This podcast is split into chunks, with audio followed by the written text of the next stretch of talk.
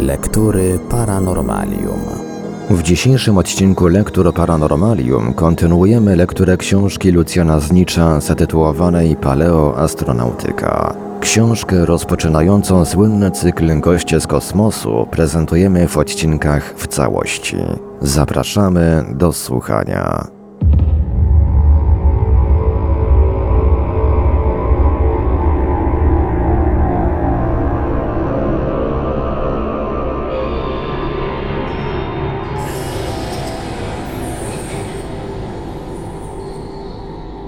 Kto dał Majom kalendarz?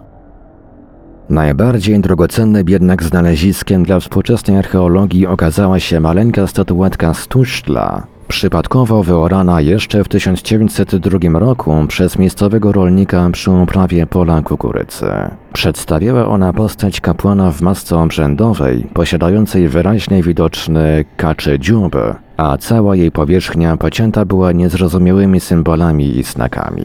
Z chwilą wszakże, gdy do odcyfrowania tych znaków zabrali się specjaliści, rychło wyszło na jaw, że stanowią one datę kalendarza Majów odpowiadającą 162 rokowi naszej ery. A więc zagadka została rozszyfrowana. Tyle tylko, że rozwiązanie jej okazało się jeszcze trudniejsze do wyjaśnienia niż samo rozszyfrowanie.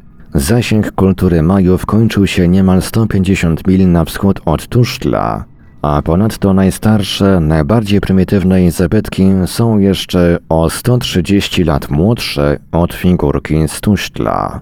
Czyżby więc tajemniczy naród zamieszkujący te tereny wynalazł kalendarz Majów dobrych kilkaset lat przed powstaniem narodu Majów? Na tym jednak rewelacje się nie skończyły.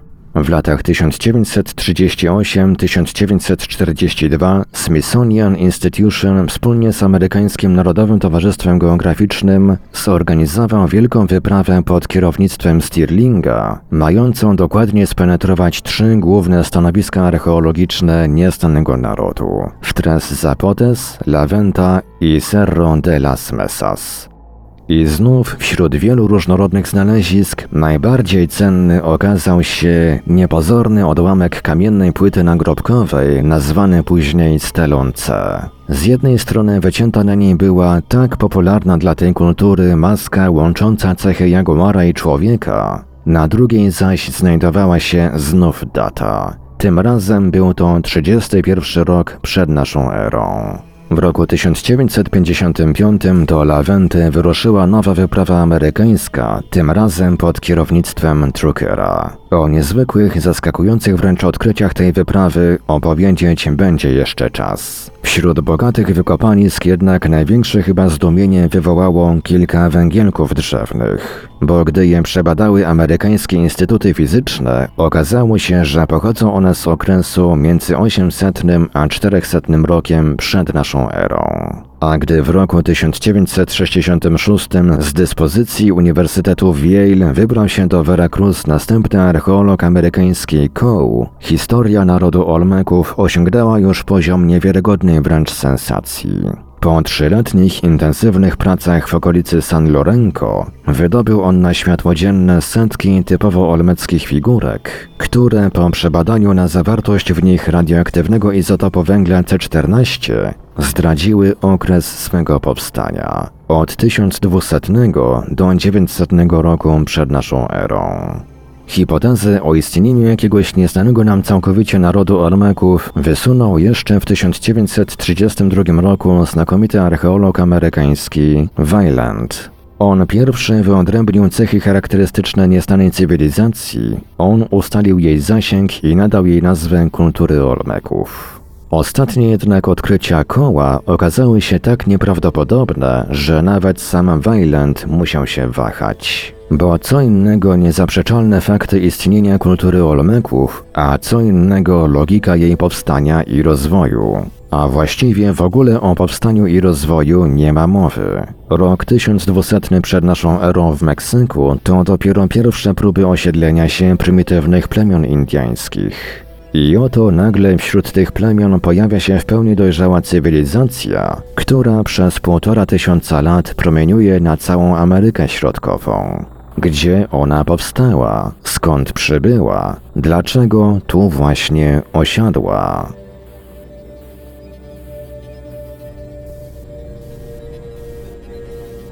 Zagadka 16 nefrytowych lucików. Nie znam wybrzeży Meksyku. Widziałem jednak zarośla mangrowe na morzyny w okolicach Bombaju w Indiach i do dziś skóra mi cierpi na samą myśl osiedlenia się w takich okolicach.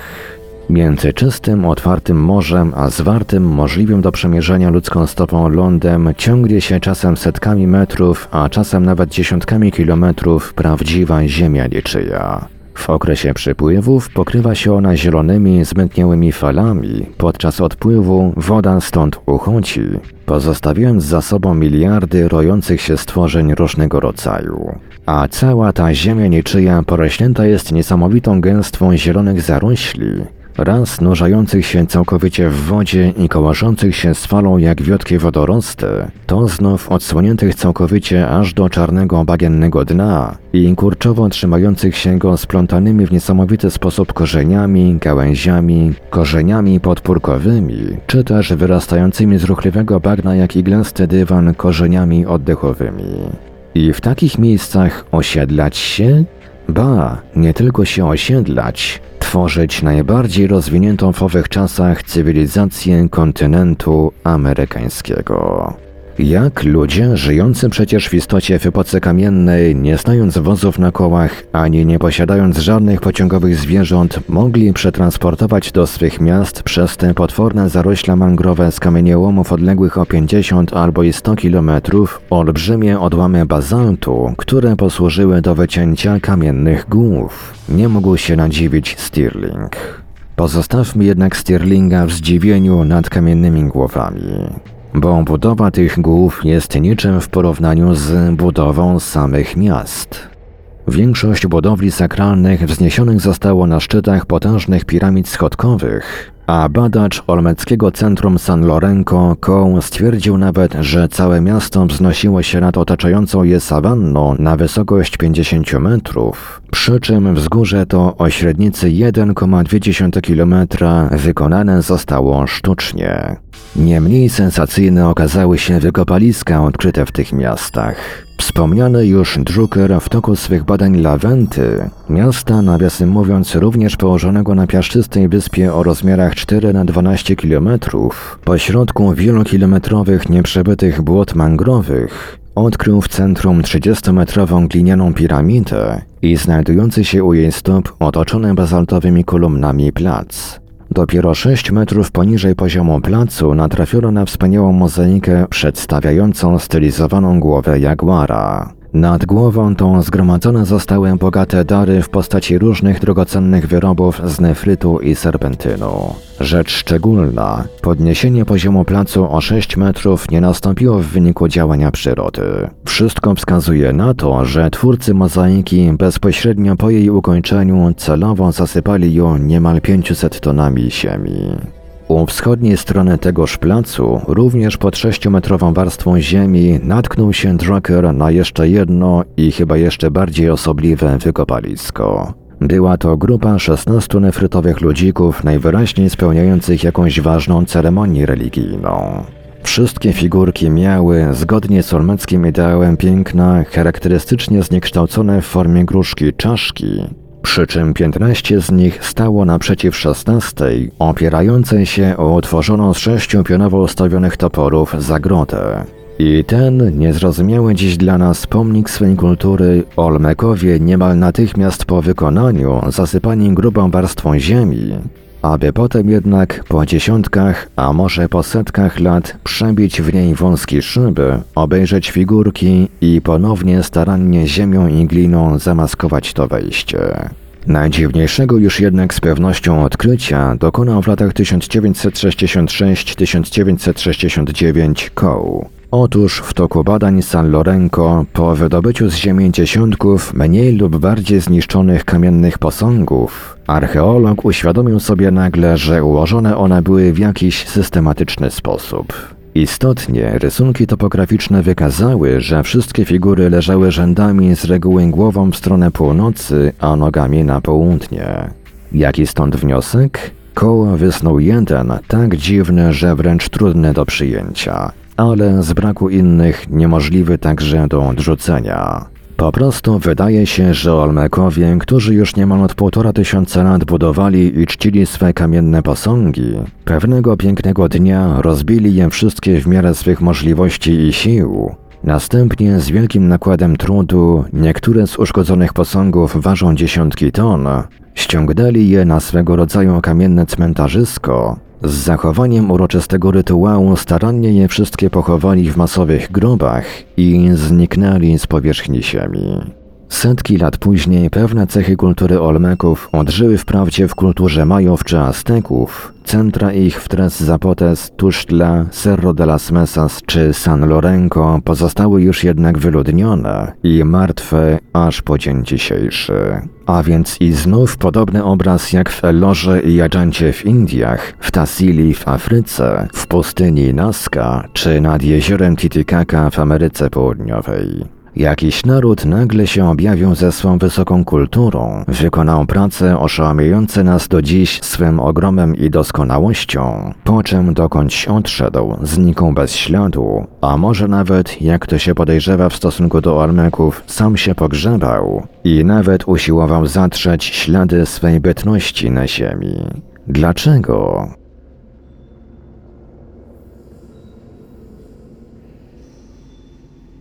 555 milczących wielkoludów. Taki już dziwny los przypadł Wyspie Wielkanocnej na naszym globie, że gdy tylko mowa o nierozwiązanych zagadkach, nie sposób wprost jej pominąć. Po raz pierwszy odkryta przez Europejczyków w roku 1722, do dziś po dwu i pół wiekach nieustannych wypraw, ekspedycji i badań równie zaskakuje każdego ją odwiedzającego, co i w wieku XVIII. Chociaż nie. Bratobójcze walki, które toczyli nieliczni mieszkańcy tej wyspy w ciągu minionych wieków, doprowadziły już do zniszczenia wielu pomników rozwijającej się niegdyś tu kultury. Ale jakiż osobliwy widok stanowić ona musiała w dniu odkrycia. Kamieniste plaże wybrzeża, rozległe murawy pokrywające wnętrze wyspy, stoki wygasłych wulkanów były gęsto pokryte ogromnymi kamiennymi posągami. Opisuje to obrazowo w swojej książce Wyspa Tajemnic Mechowski. Wysokość ich wahała się od 1 do 25 metrów, najwyższe więc osiągały rozmiary niemalże nowoczesnych ośmiopiętrowych kamienic. Przedstawiały one przeważnie płaskie twarze, niektóre z nich całe popiersia z głowami o wyciągniętych w dół uszach, z niezwykłymi kamiennymi nakryciami głowy o cylindrycznych kształtach, wykonanymi z czerwonej lawy. Niektóre z posągów miały ręce opuszczone w dół i ułożone płasko na brzuchu. Koniec cytatu. Doprawdy podziwiać trzeba umiejętność, cierpliwość i wręcz uporczywość nieznanej nam kultury, która za podstawowy cel swego istnienia na tej 100 mil od brzegu i 100 mil przed brzegiem zagubionej w falach Pacyfiku maleńkiej wysepce uznała budowę gigantycznych posągów. Na rozłożonych tarasowato kamiennych platformach o wysokości 5 metrów, szerokości 30 metrów i długości aż do kilkuset metrów ustawiono z reguły po kilkanaście posągów. Łącznie naliczono ich na całej wyspie 555. Ekspedycje badawcze odkryły w kraterach wygasłych wulkanów wyspy warsztaty kamieniarskie, gdzie posągi te wykuwano. W jednym z takich warsztatów znaleziono aż 155 posągów w toku produkcji. Do dziś nie wiadomo jednak w jaki sposób te gigantyczne rzeźby o wadze od kilkuset kilogramów do 50 ton były transportowane przez całą wyspę, na której nie znano nie tylko zwierząt pociągowych czy wozów albo chociaż sań, ale nawet w ogóle drzewa i gdzie jedynym narzędziem mogły być prymitywne liny konopne. Thor Heyerdahl przeprowadził pewne eksperymenty ze współczesnymi mieszkańcami Wyspy Wielkanocnej, które wykazały w jaki sposób te kamienne giganty za pomocą nasypów były ustawiane na swych platformach. Ale i on musiał skapitulować przed zagadką umieszczania na pionowo już stojących posągach czerwonych czap stufu wulkanicznego, ważących przeciętnie około 3 tony każda. A już całkowitą tajemnicą jest cel stawiania tej niesamowitej ilości kamiennych olbrzymów. Jedyny racjonalny powód, wysunięty przez jednego z pierwszych badaczy Wyspy Wielkanocnej, odstraszania ewentualnych przybyszów od lądowania i podbicia wyspy, odpadł natychmiast. Gdy się okazało, że wszystkie posągi z reguły stały tyłem do morza, kierując swe przerażające oblicza ku wnętrzu wyspy. Kto więc i po co je zbudował?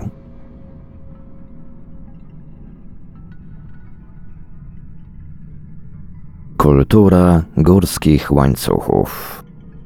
Nawet jednak gigantyczne posągi Wyspy Wielkanocnej ustąpić muszą pierwszeństwa wyczynom już nie megalomańskiej, ale zatrącającej wręcz o szaleństwo jakiejś niezwykłej kultury megalitycznej. Z greckiego megas wielki, litos kamień, której ślady po dwudziestoletnich poszukiwaniach wykrył archeolog peruwiański Daniel Russo. Po raz pierwszy wprawdzie zetknęli się z nią Europejczycy jeszcze przed 300 laty, gdy jakiś oddział konkwistadorów penetrujący zachodnią kordylierę przyniósł wieść, że gdzieś w tych górach natknął się na galerię gigantycznych kamiennych ludzi i zwierząt. Także i później raz po raz pojawiały się wieści różnych kronikarzy o istnieniu w górach peruwiańskich jakichś bajecznych rzeźb. Nie były to jednak rzeźby złote, kogo więc mogły one obchodzić?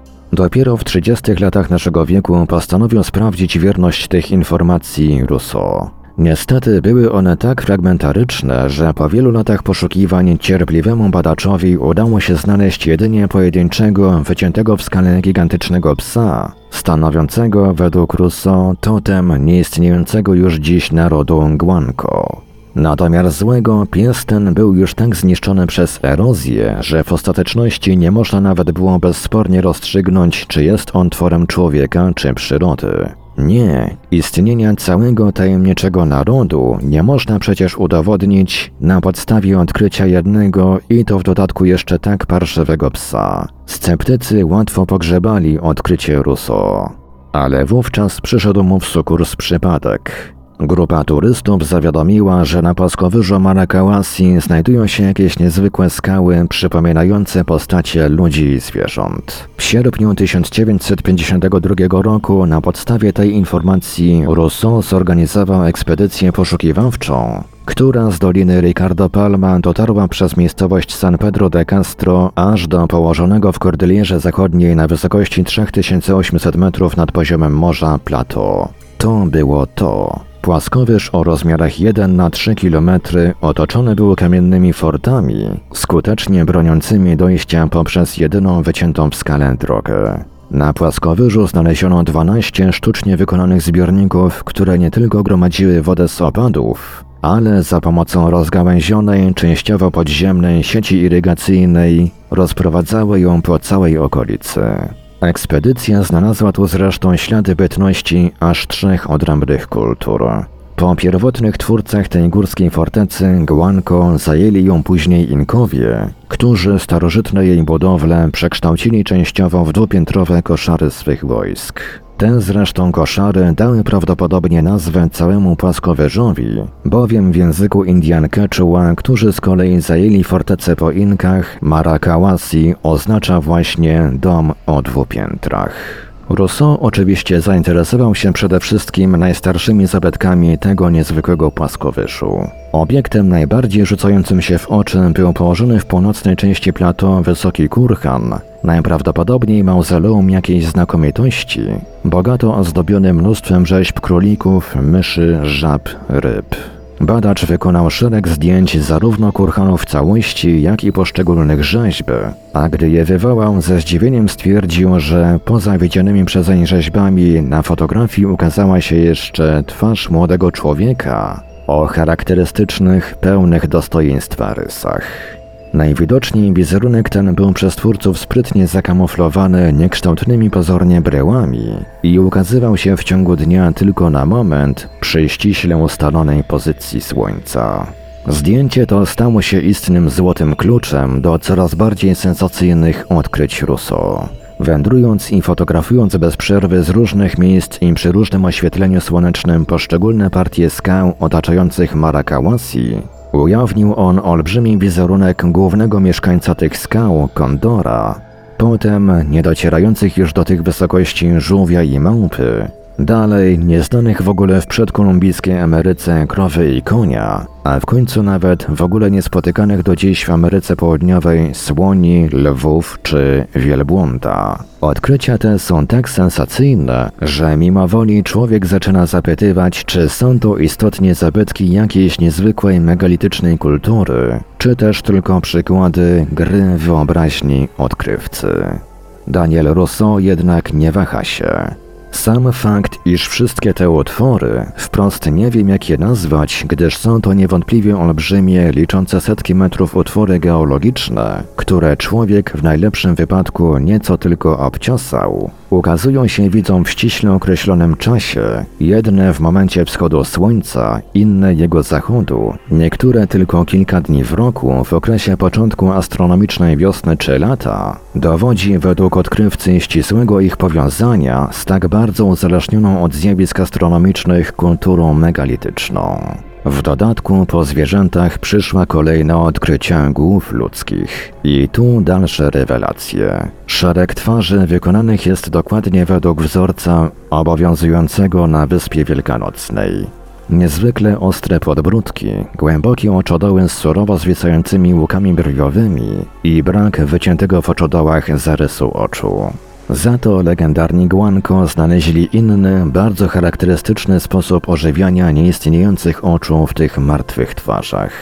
Otóż w każde południe łuki brwiowe rzucają na kamienne twarze półokrągłe, imitujące zarys gałki ocznej cienie, a równocześnie poprzez wyciętą w tych łukach wąską szparę, ostry promyk słońca pada w sam środek cienia, tworząc iluzję żywej źrenicy. No więc byli Guanko, czy też nie? Rzecz szczególna, przeciwko istnieniu tej pradawnej kultury, rozwijającej się gdzieś w najbardziej niedostępnych górach Peru, wystąpił właściwie sam jej odkrywca. Bo oto, gdy opuścił on w końcu Maracałasi i nowym wzrokiem rozejrzał się po górach Kolumbii, Meksyku i szeregu innych krajów Ameryki Środkowej i Południowej, Wszędzie tam dostrzegł również ślady obróbki grzbietów górskich ręką człowieka. Potem przyszła kolej na góry wysp Oceanu Spokojnego, Indii, Egiptu, Francji, Hiszpanii, Grecji, Rumunii. Mimo wielkiej problematyczności, jak na mój gust, takiej ogarniającej równocześnie cały nasz świat, gdzieś między XX a XII tysiącleciem przed naszą erą powszechnej kultury już nie megalitycznej, ale wręcz gigalitycznej, Megas wielki, gigas olbrzymi. Wizja ta okazała się tak pociągająca, a może tylko fotogeniczna, że w roku 1970 reżyser rumuński Otrokol nakręcił wspólnie z Rousseau film pod tytułem Kamienne zagadki. Nie wchodząc w ocenę realności hipotezy, trzeba stwierdzić, że oryginalny sposób jej przedstawienia zyskał powszechny aplauz a więc uznanie dla filmu czy przyjęcie ryzykownej hipotezy. Bo jeżeli hipoteza ta potrafi rzeczywiście wyjaśnić za jednym zamachem wszystkie niezwykłe kamienne zagadki naszego globu, równocześnie stawia nas przed następną, tym razem już zupełnie niemożliwą do wyjaśnienia zagadką. Po co i dla kogo ci ludzie przed dwustu wiekami brali się do tak gigantycznych prac?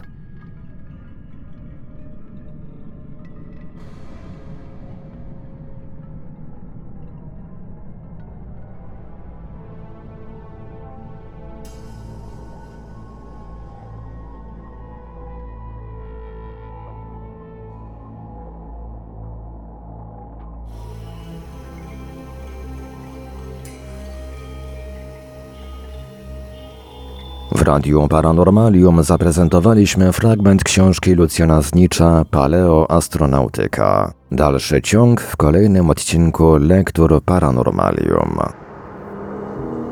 Archiwalne odcinki Lektur Paranormalium znajdziesz do pobrania w archiwum naszego radia na stronie www.paranormalium.pl.